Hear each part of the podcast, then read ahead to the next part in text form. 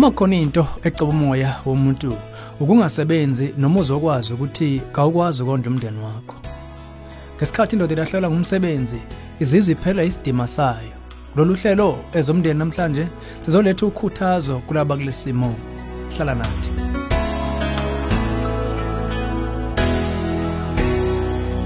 Angiphinde ngubingelele ezomndeni. Uhlelo lwakho lokulethela izeluleko eziphathekayo ngaba ka focus on the family. Sithola umbuzo obuhlungu. Endodeni ekhalayo kuselahlekelwe ngumsebenzi wayo. Ithe ngibhekana kanjani nokungasebenzi? Sekumnyaka e2 ngalahlekelwa imisebenzi wami. Emva kokuzama ukufesa ngaplaya kodwa sengiphelwa lithemba lokuba ngowe ngiwuthole unkosikazi wami usebuyele emsebenzini kodwa iholo lakhe lincane ukubhana nezindleko zekhaya. Ngisho sesehlise izindleko zekhaya uqobo. Ukuthi ngibhocobele ngalesimo amagama amancane lawo engikwazi ukuthi ngiwasho nje. Hlehlehle ngizizwa nginjengomuntu olahlekelwe yikho konke. Unkosikazi wami uyazama ukungigqugquzela kodwa ngibona kaqonda ukuthi ngizizwa ngitunguleke kangakanani. Ngingaphendukela kukuphi ngithola usizo na? Phambi kokuba silethe iziphakamiso zethu sithanda ukuba sikuncome ukuthi uthathe igxathu uvuleleke ngokufuna usizo ezinselweni zomuzwa ongasebenzi. Ukhombise ukukhuthala ukufuna umsebenzi. Lokhu kukhombisa ukuthi umuntu ocabanga ukuphathekayo futhi uyaqonda ukuthi kusho ukuthini ukuyinikela emndeni wakho. Amava njena ayokwenza uwela imfula edla indwana empilweni. Nokho sovele yakwazi konke lokho okudinga kuthina ngqo amasa aphathekayo.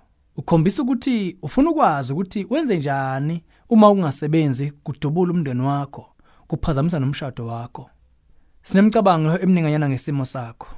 Okokuqala ungadikibala ukufesa. Yebo kulahlisana ithemba. Kodwa udinga kuba nomuzo ukuthi ukufuna umsebenzi ngokwakho sokuyiwona umsebenzi wakho lo okumele wenze sokuzasa zama ukuzengela umsebenzi ozokujabulisa. Uma ungaqhamuki lowo thatha noma yimuphi ozobeka ibhodo eziko kudla ingane zakho.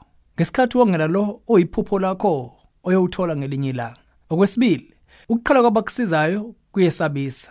Ngakho ungakwenqeni ukuqhela uyozingela kwezinye indawo nalapho umgomo kuba uthobeke ukhuthale nokuyivoce kuvumeni uthatha naliphi itoho kumbe umsebenzi oqhamukayo zekuxoshwa ikade ezike ekhaya. Okwesithathu nyakaza.